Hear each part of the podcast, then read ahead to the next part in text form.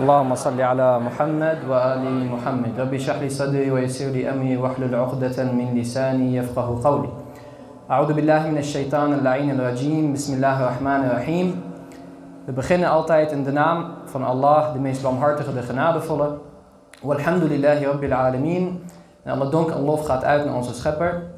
Thumma salatu wassalamu ala ashrafil anbiya'i wal mursaleen. En alle lof en zegeningen gaan uit naar de laatste van de boodschappers en profeten. Habibi ilahi al-alameen, abil qasim al-mustafa Muhammad. Allahumma salli ala Muhammad wa ali Muhammad. En natuurlijk ook naar zijn lieftallige familieleden die Allah subhanahu wa ta'ala heeft gekozen en gezuiverd. Amma ba'd, faqad qala Rasulullah sallallahu alayhi wa alihi wa sallam. We beginnen met een belangrijke hadith, eigenlijk de hoeksteen van de lezing. Fatima bada'atun minni. Fatima is een deel van mij. Faman aghdhabaha aghdhabani. En diegene die haar boos maakt, maakt mij boos, zegt de heilige profeet. Het onderwerp van vandaag is natuurlijk Fatimiyya. En mijn specifieke lezing gaat over Fatimiyya in de islamitische literatuur. Als volgers van de Ahlul Bayt hebben wij alhamdulillah genoeg kritiek te verwerken. Dat nou op social media is in het dagelijkse leven. Of just in general, gewoon in het algemeen. Maar we hebben over dit onderwerp uh, vaak kritiek waarop men zegt... Weet je, jullie volgers van de Ahlul Bayt, jullie Shiiten... Jullie verzinnen eigenlijk een probleem. Er is helemaal geen probleem. En dat haalden jullie uit jullie eigen boeken. En wat wij natuurlijk vandaag willen doen... We willen het academisch houden, inhoudelijk houden. En we zeggen, weet je, we hebben onderzoek gedaan...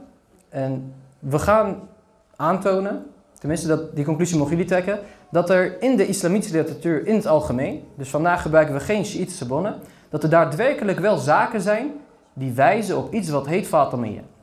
En als we beginnen met Fatimiyya, dan beginnen we natuurlijk met de definitie daarvan. Fatimiyya, per definitie, is eigenlijk de periode van haar martelaarschap uh, en daarvoor de dood van de heilige profeet en de overname van de machthebbers van de heilige profeet.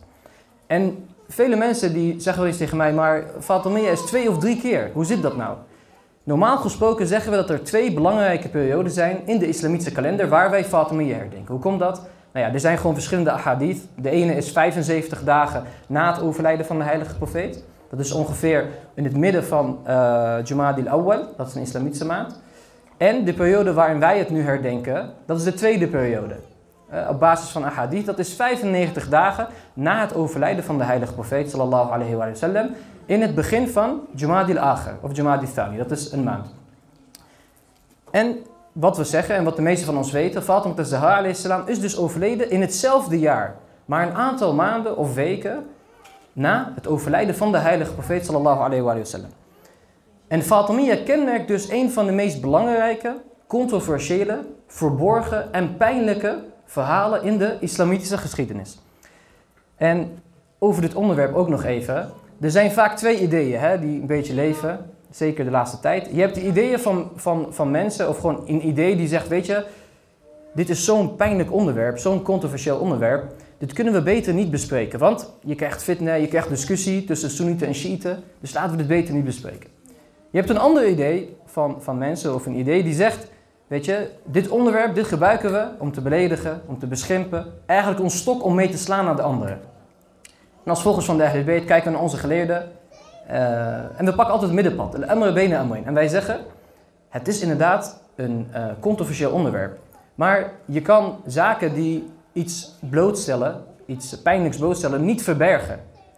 Want anders kunnen we ook stoppen met het herdenken van Muharram of het herdenken van Ghadir. Aan de andere kant dit is een controversieel onderwerp, dus dat moet je op een bepaalde manier behandelen. Inhoudelijk, academisch, beschouwend. Want Allah subhanahu heeft ons een akkel gegeven. Hij heeft ons een verstand gegeven. En we kunnen eigenlijk alle punten, of het nou verschil is of niet, inhoudelijk gezien, bespreken. Want we zijn academisch, we houden het inhoudelijk en we gaan naar de bronnen toe. We hebben het niet over mensen, we hebben het niet over groepen tegen elkaar zetten.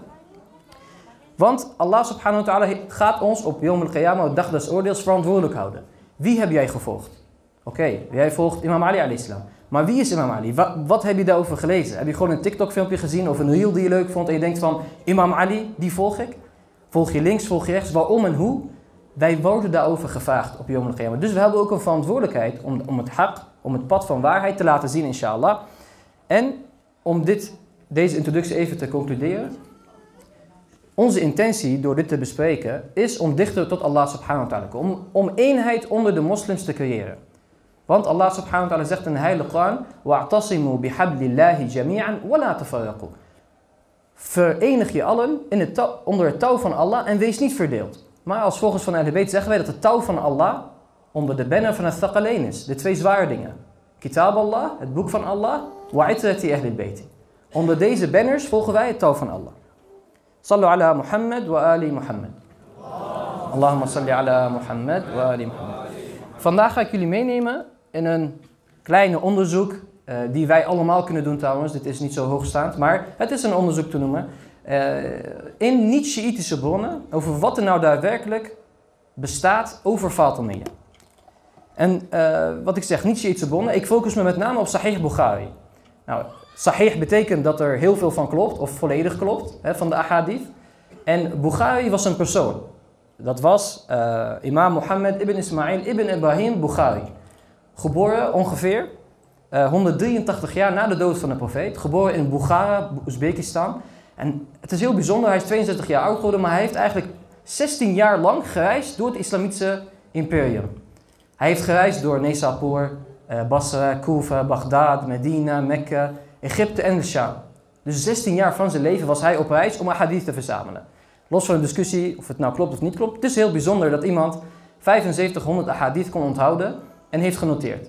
Maar het is natuurlijk, eh, helaas zien we dat, er, dat hij eh, weinig over de Ahlul heeft gezegd. Bijvoorbeeld van imam Ali alayhi zien we maar een paar handvol ahadith. Terwijl van iemand als bijvoorbeeld Abu Huraira, die maar anderhalf jaar met de profeet heeft geleefd, zien we honderden tot duizenden ahadith. Dus dat is wel iets frappant, maar we nemen het mee met onze eh, onderzoek. De ahadith van vandaag, die kunnen we eigenlijk verdelen in twee soorten ahadith. De ene gaat over, wat zegt de heilige profeet over Fatima? En de tweede is, de tweede set van hadith, eh, hoe gingen de machthebbers van die tijd om met Fatima? Dus eh, ik heb het hier natuurlijk, het is, ik weet dat het moeilijk te lezen is, maar ik heb mijn best gedaan. Degene die het wilt, kan ik achteraf ook meegeven, de screenshots, eh, zodat je het inshallah weten. We beginnen met de eerste en meest belangrijke ahadith. Dus wat zegt de profeet over Fatima alayhi salam? We beginnen met de eerste. Fatima, Sayyidat Nisa'i Ahlil Jannah. Fatima is de meesteres van de vrouwen van de hemel. Een ander hadith in Bukhari. Fatima Sayyidat Nisa'i al-Mu'minin. Dan zien we iets anders wat er staat. Fatima is de meesteres van de vrouwen die gelovig zijn. Oh, Fatima Sayyidat Nisa'i hadhihi al-Umma. Fatima is de meesteres van de vrouwen van deze umma. Dus Fatima is een belangrijk persoon. En we, zien dat de eh, eerste khalif, eh, Abu Bakr, hij zegt het volgende over de Ahlul Bayt. Hij zegt, Uqabu Muhammadan fi Ahli Bayt. Zorg voor Mohammed door voor zijn Ahlul Bayt te zorgen. Staat er in Sahih Bukhari, hadith nummer 3751. En dan gaan we eigenlijk naar een van de meest belangrijke ahadith, waar ik ook mee ben begonnen. Fatimatu bad'atun minni. En daar staan verschillende versies van. Fatimatu bad'atun minni, faman aghdhabaha aghdhabani. Diegene die haar boos maakt, maakt mij boos, zegt de heilige profeet sallallahu alayhi wa sallam. Nogmaals, dit is een van de belangrijke. Eigenlijk kunnen we nu al stoppen. Zo belangrijk is deze hadith. In ander in, in, uh, in Bukhari staat Fatimatu bad'atun minni yuribuni ma arabaha. Dus ik haat hetgeen wat zij haat om te zien. En nog één laatste hadith in Sahih Muslim. Muslim was een student van Bukhari. Fatimatu bad'atun minni yu'dhini ma'adha. Hetgeen wat haar pijn doet, doet mij pijn, zegt de heilige profeet. Nogmaals staat in, Sahih Muslim. Dan moet ik even door. Staat dus hier heel duidelijk op. Dus we zien dat er een bepaalde afhankelijkheid is van de heilige profeet en Fatima alayhi salam. Een sterke binding. En dan gaan we natuurlijk naar de Koran. Want we willen altijd uh, ahadith spiegelen aan de Koran. Wat zegt Allah subhanahu wa ta'ala over mensen die de profeet schaden, beledigen of aanvallen? In de Koran staat Bismillahirrahmanirrahim. وَالَّذِينَ يُؤْذُونَ رَسُولُ اللَّهِ لَهُمْ عَذَابٌ أَلِيمٌ Diegenen die de boodschapper kwetsen, zullen een pijnlijke bestraffing hebben. Je zou zeggen logisch, want de heilige profeet Mohammed sallallahu alayhi wa sallam is een van de meest, is de belangrijkste persoon in de islam. Een andere uh, vers, daarin staat, uh, Bismillahirrahmanirrahim, Inna alladhina yu'dhuna Allah wa rasuluhu, la'anahum Allahu fi dunya wal akhir. Dus diegenen die Allah, Allahs boodschapper, pijn doen, Allah zal zijn barmhartigheid, want dat is de betekenis van la'na, Allah zal zijn barmhartigheid af laten nemen in deze dunya en in de akhira. Dus we zien een sterke koppeling tussen Fatima a.s., de heilige profeet, en Allah subhanahu wa ta'ala. Dat is eigenlijk de eerste set van de hadith. Nogmaals, ik heb dit niet van onze eigen bronnen. Dit is gewoon puur een beschouwende observatie van uh, Sahih Bukhari. En als je nou zegt, Mustafa, hoe kom je aan deze hadith? Je gaat naar sun sunnah.com, hele sterke website. En je typt bij de zoekfunctie in Fatima. En dan zie je eigenlijk allerlei soorten hadith. Dus als mensen vragen, ja, hoe kom je aan deze hadith? Heel makkelijk, het is gewoon goed op te zoeken. Nu komen we bij de tweede set van hadith. Wat we zeggen, hoe werd Fatima behandeld door de machthebbers van die tijd? Wat was hun relatie? We beginnen met eh, de eigendom eh, van Fedek. Fedek was een stuk land ongeveer 160 kilometer verwijderd van Medina. En het was een land eigenlijk in die tijd, helaas nu is alles opgedoogd.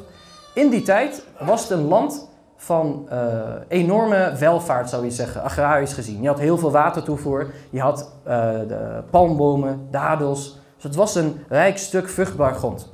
En we zien dat die gegeven is aan de profeet Mohammed sallallahu alayhi wa sallam door de Joden van Fedek. Nadat de slag van Gebar gewonnen werd. En we weten dat imam Ali alayhi salam daar een grote rol heeft gespeeld. De Joden van Gebar waren de buren van de Joden van Fedek. De Joden van Fedek dachten, weet je, we hebben geen zin om tegen imam Ali alayhi te staan. Dus weet je, we geven ons land, de helft, gewoon aan jou, o profeet. Uh, dan hebben we vrede.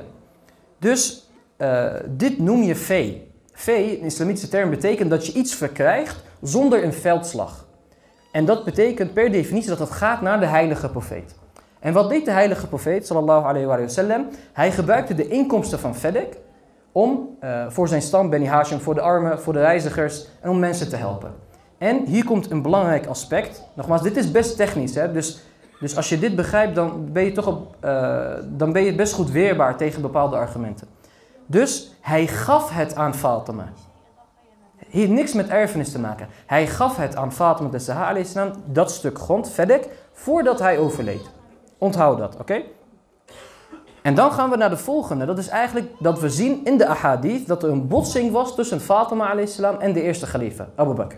En die botsing ging over het land van Fedek. Want toen Abu Bakr uh, de khalifa werd, hoe dat is gegaan, dat is een ander verhaal, dat heeft weer vijf lezingen nodig. Maar uh, hij werd op een gegeven moment khalifa, hij werd gekozen door een select gezelschap, terwijl de Ahlul bezig waren met de begrafenis van de profeet, hadden bepaalde mensen uh, andere intenties en waren ze bezig met het vormen van een overheid. Dus na de dood pakte de eerste khalifa, nogmaals staat in Bukhari 6725, pakte hij eigenlijk dat stuk land af van de Ahlul Bayt, van Fatima Zahra en hij maakte het eigendom van de staat, van de islamitische staat. En daarin zien wij, dan quote ik een hadith, 6725 nogmaals. Kijk, er staat deze erop. We gaan even verder. Um, ja. Dus wat zien we daar? En ik quote even. Fatima en El-Abbas, dat was de oom van de profeet, die kwamen naar Abu Bakr. Op zoek naar hun deel van het eigendom van Allah's uh, boodschapper van Fedek. En op dat moment vroegen ze om hun land in Fedek, want hij werd afgenomen. En hun deel van Gebar, want ze hadden ook nog een gedeelte van Gebar, dat was ook een plek. En Abu Bakr zei, let goed op dit argument, want hier gaan we zo meteen verder op in. Abu Bakr zei, ik heb van de boodschapper van Allah horen zeggen, ons bezit kan niet geërfd worden. Dus de profeten laten geen erfenis achter. Onthoud deze argument. Daar, en, verder in uh, Bukhari 3092 staat er, daarom verliet Fatima Abu Bakr en sprak niet met hem tot ze stierf. Daar heb ik ook een onderlijn op gezet. Dus we zien dat ze boos werd op Abu Bakr en ze verliet hem en ze sprak niet meer met hem. Nogmaals, denk altijd aan die hadith. Fatima bad'atun minni, femen agdabaha agdaben. We zien, uh, even kijken of ik de juiste hier voor me heb. Ja, we zien dat er in het Arabisch staat, fawajadat Fatima. Dus ze werd boos. Fatima werd boos en stopte met praten en bleef die houding aannemen tot ze stierf. Dat was een andere hadith in Bukhari. Fatima bleef zes maanden in leven na de dood van Allahs boodschapper, volgens de hadith. En in Tirmidhi, dat is een ander belangrijk boek uh, van onze Sunnitische broeders en zusters. Want ze hebben verschillende boeken, uh, Sunan Abu Dawud, Ibn Majah, Tirmidhi, etc. In Tirmidhi staat er dat ze ook niet meer met de tweede khalifa praten, met Omar. Dus en Abu Bakr en Omar. Nu gaan we in op de argumenten van Abu Bakr. Hij zei, de profeten, o Fatima, laten geen erfenis na. Dus weet je, ik kan jou dit niet geven, want de profeet heeft dat gezegd. Dus twee argumenten. De profeten laten geen erfenis na en ik heb dat gehoord van de profeet. Dus ook uh, in een hadith, even kijken, dan gaan we even uh, verder. Ja, in een hadith in Bukhari staat dus dat toen Sede Fatima dat hoorde, dat de staat het grond had afgepakt, deed ze haar hijab op, deed ze haar mantel op en ging ze met een aantal vrouwen van Beni Hashim naar, uh, de plek van, naar de masjid, naar de plek van de moslims, om tegenover Abu Bakr en andere moslims een preek te houden. En kijk, als wij ergens over praten, moeten we verstand hebben van de materie. En eigenlijk als volgers van de Ahlul kan het niet zo zijn dat wij deze belangrijke preek, lezing van Fedek, van Fatima de Zahra salam, want er is een boek genaamd door Dr. Ali Shaiti, hij zegt Fatima is Fatima. Een boek wat ik echt aanraad. Uh, ik heb het niet volledig gelezen, ik heb het gescand. Maar het, het is heel, een heel diep filosofisch boek over Fatima. En hij zegt eigenlijk Fatima is Fatima. Ze heeft bewijzen van geen uitleg nodig. En als je haar kent, dan weet je wie Fatima is. Zij stond daar dus met een sterke lezing. Dus het was niet een vrouw die thuis zat en geen mening had. Nee, ze zag dat er onrecht was tegen haar, tegen haar man, tegen de profeet. En ze ging naar de masjid en ze hield een sterke lezing. Daarin ging het niet alleen over deze kwestie, het ging over monotheïsme, profeetschap, naboeën, imamen en over de zaak eh, van de gelaten. Fatima, we gaan in op de eerste argument, dat uh, de profeten geen erfenis achterlaten. Fatima nam imam Ali en Umm Ayman als getuige dat de profeet daadwerkelijk tijdens haar eigen leven Fedik overhandigde aan haar. Dus er was geen sprake van erfenis, want het was bezit van Fatima. Uh, dat zien we in Bukhari 3711, zoals hier staat. Nogmaals, alles wat ik zeg komt van Sahih Bukhari. Daarnaast, het tweede argument, dus we hebben gezegd, er is geen sprake van erfenis, want het was bezit van Fatima. Het tweede argument, uh, zei Fatima eigenlijk, hoe kan het dat Abu Bakr deze hadith heeft gehoord en wij, de mensen die het erven, wij zijn familie van de profeet, wij erven. Wij hebben deze hadith nooit gehoord. Dus Imam Ali a.s., Fatima a.s. en Al-Abbas, de oom van de profeet, zeiden, dit vind ik echt bizar. Ze waren verbaasd. Hoe kan het dat wij deze hadith nooit hebben gehoord? Want nogmaals, dat staat bijvoorbeeld ook in een, in een ander boek van Ibn Abil Hadith en Mu'tazili, een belangrijke Sunnitische geleerde. staat in zijn boek dat deze drie mensen verbaasd waren. En we gaan over naar het volgende punt. In die preek van, van Fedek, zij, zij, eigenlijk, zij debankte eigenlijk dat, dat argument van profeten, laten geen erfenis na. Want zij zei, stel dat, ze, stel dat het erfenis was. De profeet kon dit nooit zeggen. Waarom? In de heilige Koran staat, en Suleiman erfde van Daoud. Wawaritha Suleimanu Daoud. Dus de profeten hebben geërfd van elkaar. En in Surat Maryam, oh staat al. In Surat Maryam, hoofdstuk uh, eh, 19, vers 5 en 6 staat er. Fahebli min ladunka waliya. Profeet Zakaria, oude leeftijd, hij kon geen kinderen krijgen. Hij zei tegen Allah, geef mij van uw zijde een erfgenaam. Yuthini wa wa yuithu min ali Yaqub. Dat diegene zal erven van mij en van het nageslacht van Yaqub. Dus Fatima a.s. die kende de Koran. Ze was de lopende Koran. Zij heeft eigenlijk met deze argumenten aan Abu Bakr duidelijk gemaakt. Luister, de ahadith die jij hebt verteld, de zaken die jij hebt verteld, ik heb ze eigenlijk net neergehaald. Inshallah is dit ook duidelijk voor ons. En wat het ook belangrijk is voor ons om te begrijpen is... Kijk, als wij hiernaar kijken als Shiïtse moslims, wij zien een ma'sooma tegen een niet-ma'soom. Wij denken logisch, de Ahlul Bayt.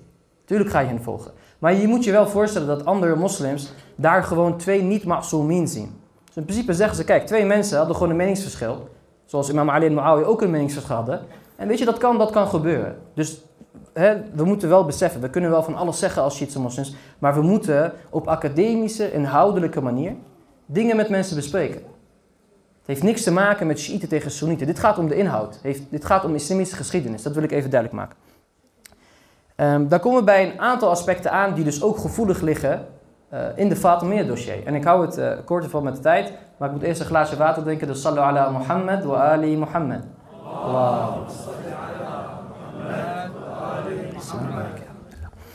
Fatima werd s'nachts begraven.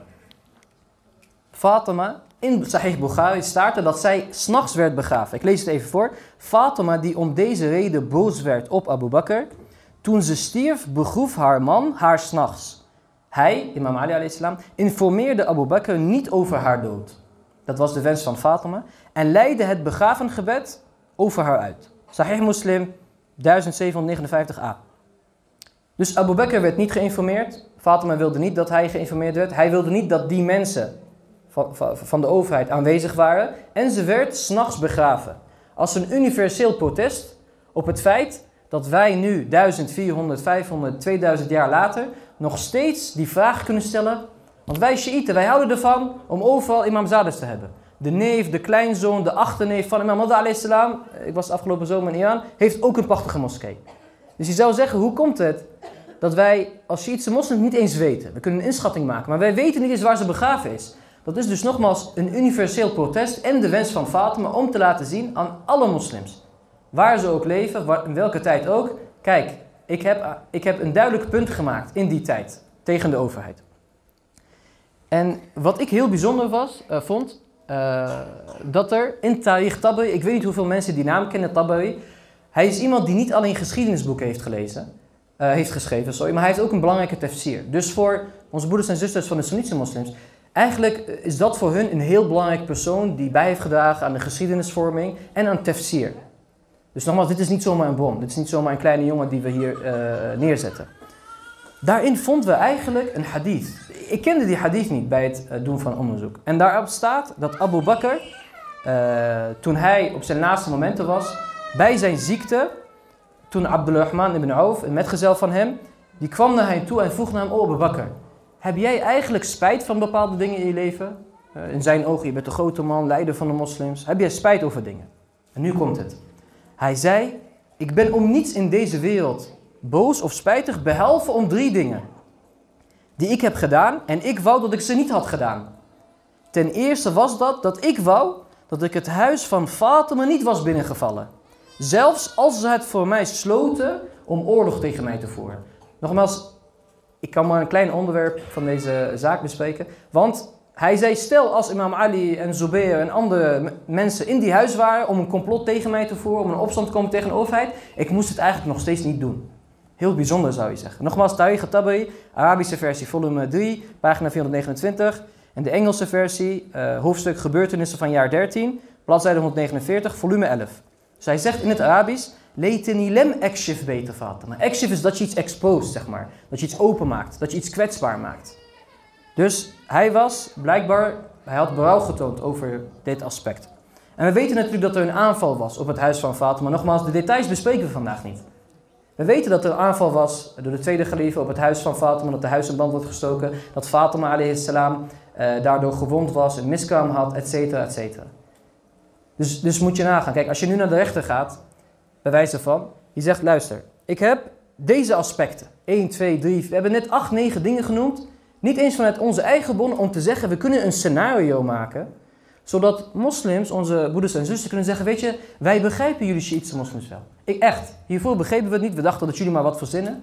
Maar als je hiermee komt, we begrijpen jullie wel. We begrijpen dat er een kwestie was tussen de Ahlul en de machthebbers van die tijd. En dat was onze wens.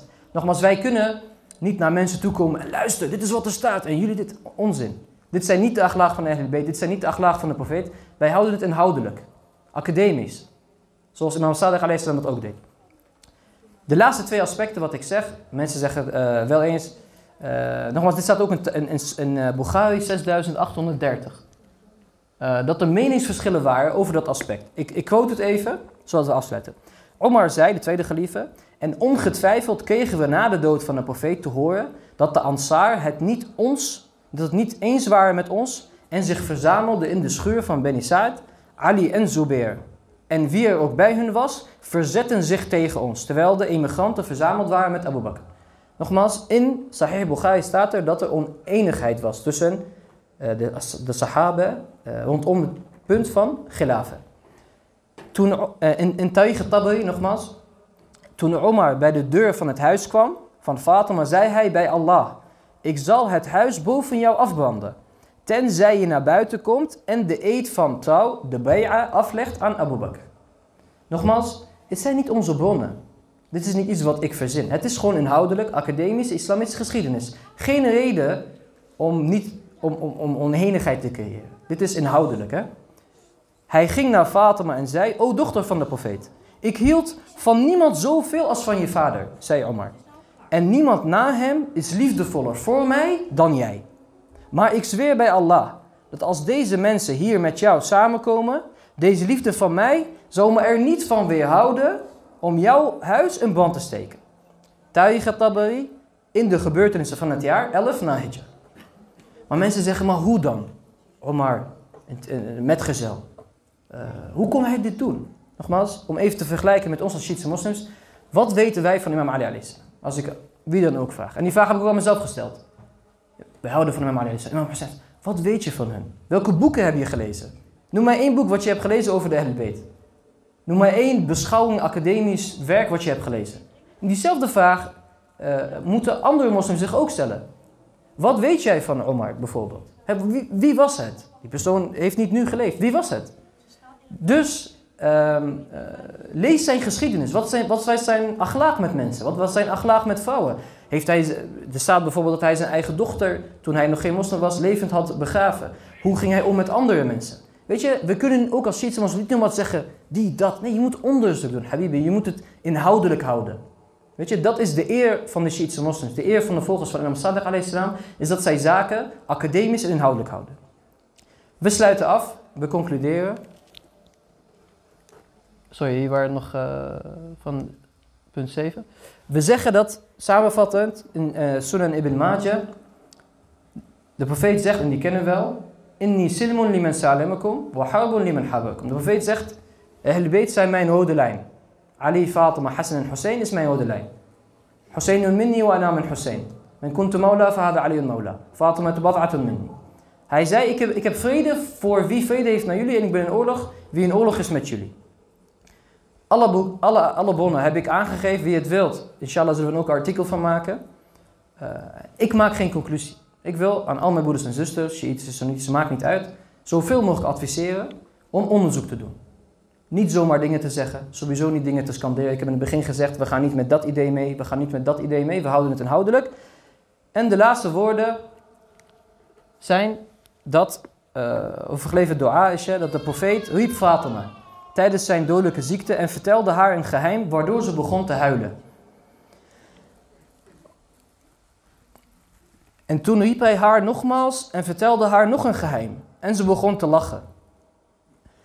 Toen ik haar daarna vroeg, antwoordde ze: De profeet vertelde me dat hij zou sterven aan zijn dodelijke ziekte, en dus huilde ik. Maar toen vertelde hij mij in het geheim dat ik van zijn familie de eerste zou zijn die zich bij hem zou voegen, en dus lachte ik. واخر دعوانا ان الحمد لله رب العالمين والى رواح المؤمنين والمؤمنات والمات على الايمان نهدي ثواب سوره الفاتحه مسبوقه بالصلاه على محمد وال محمد اللهم صل على محمد وآل محمد. Lees inshallah de soort al-Fatiha voor alle uh, gelovige broeders en zussen die zijn overleden. Bismillah ar-Rahman ar-Rahim. Alhamdulillah, Rabbil Alamin, Rahman ar-Rahim.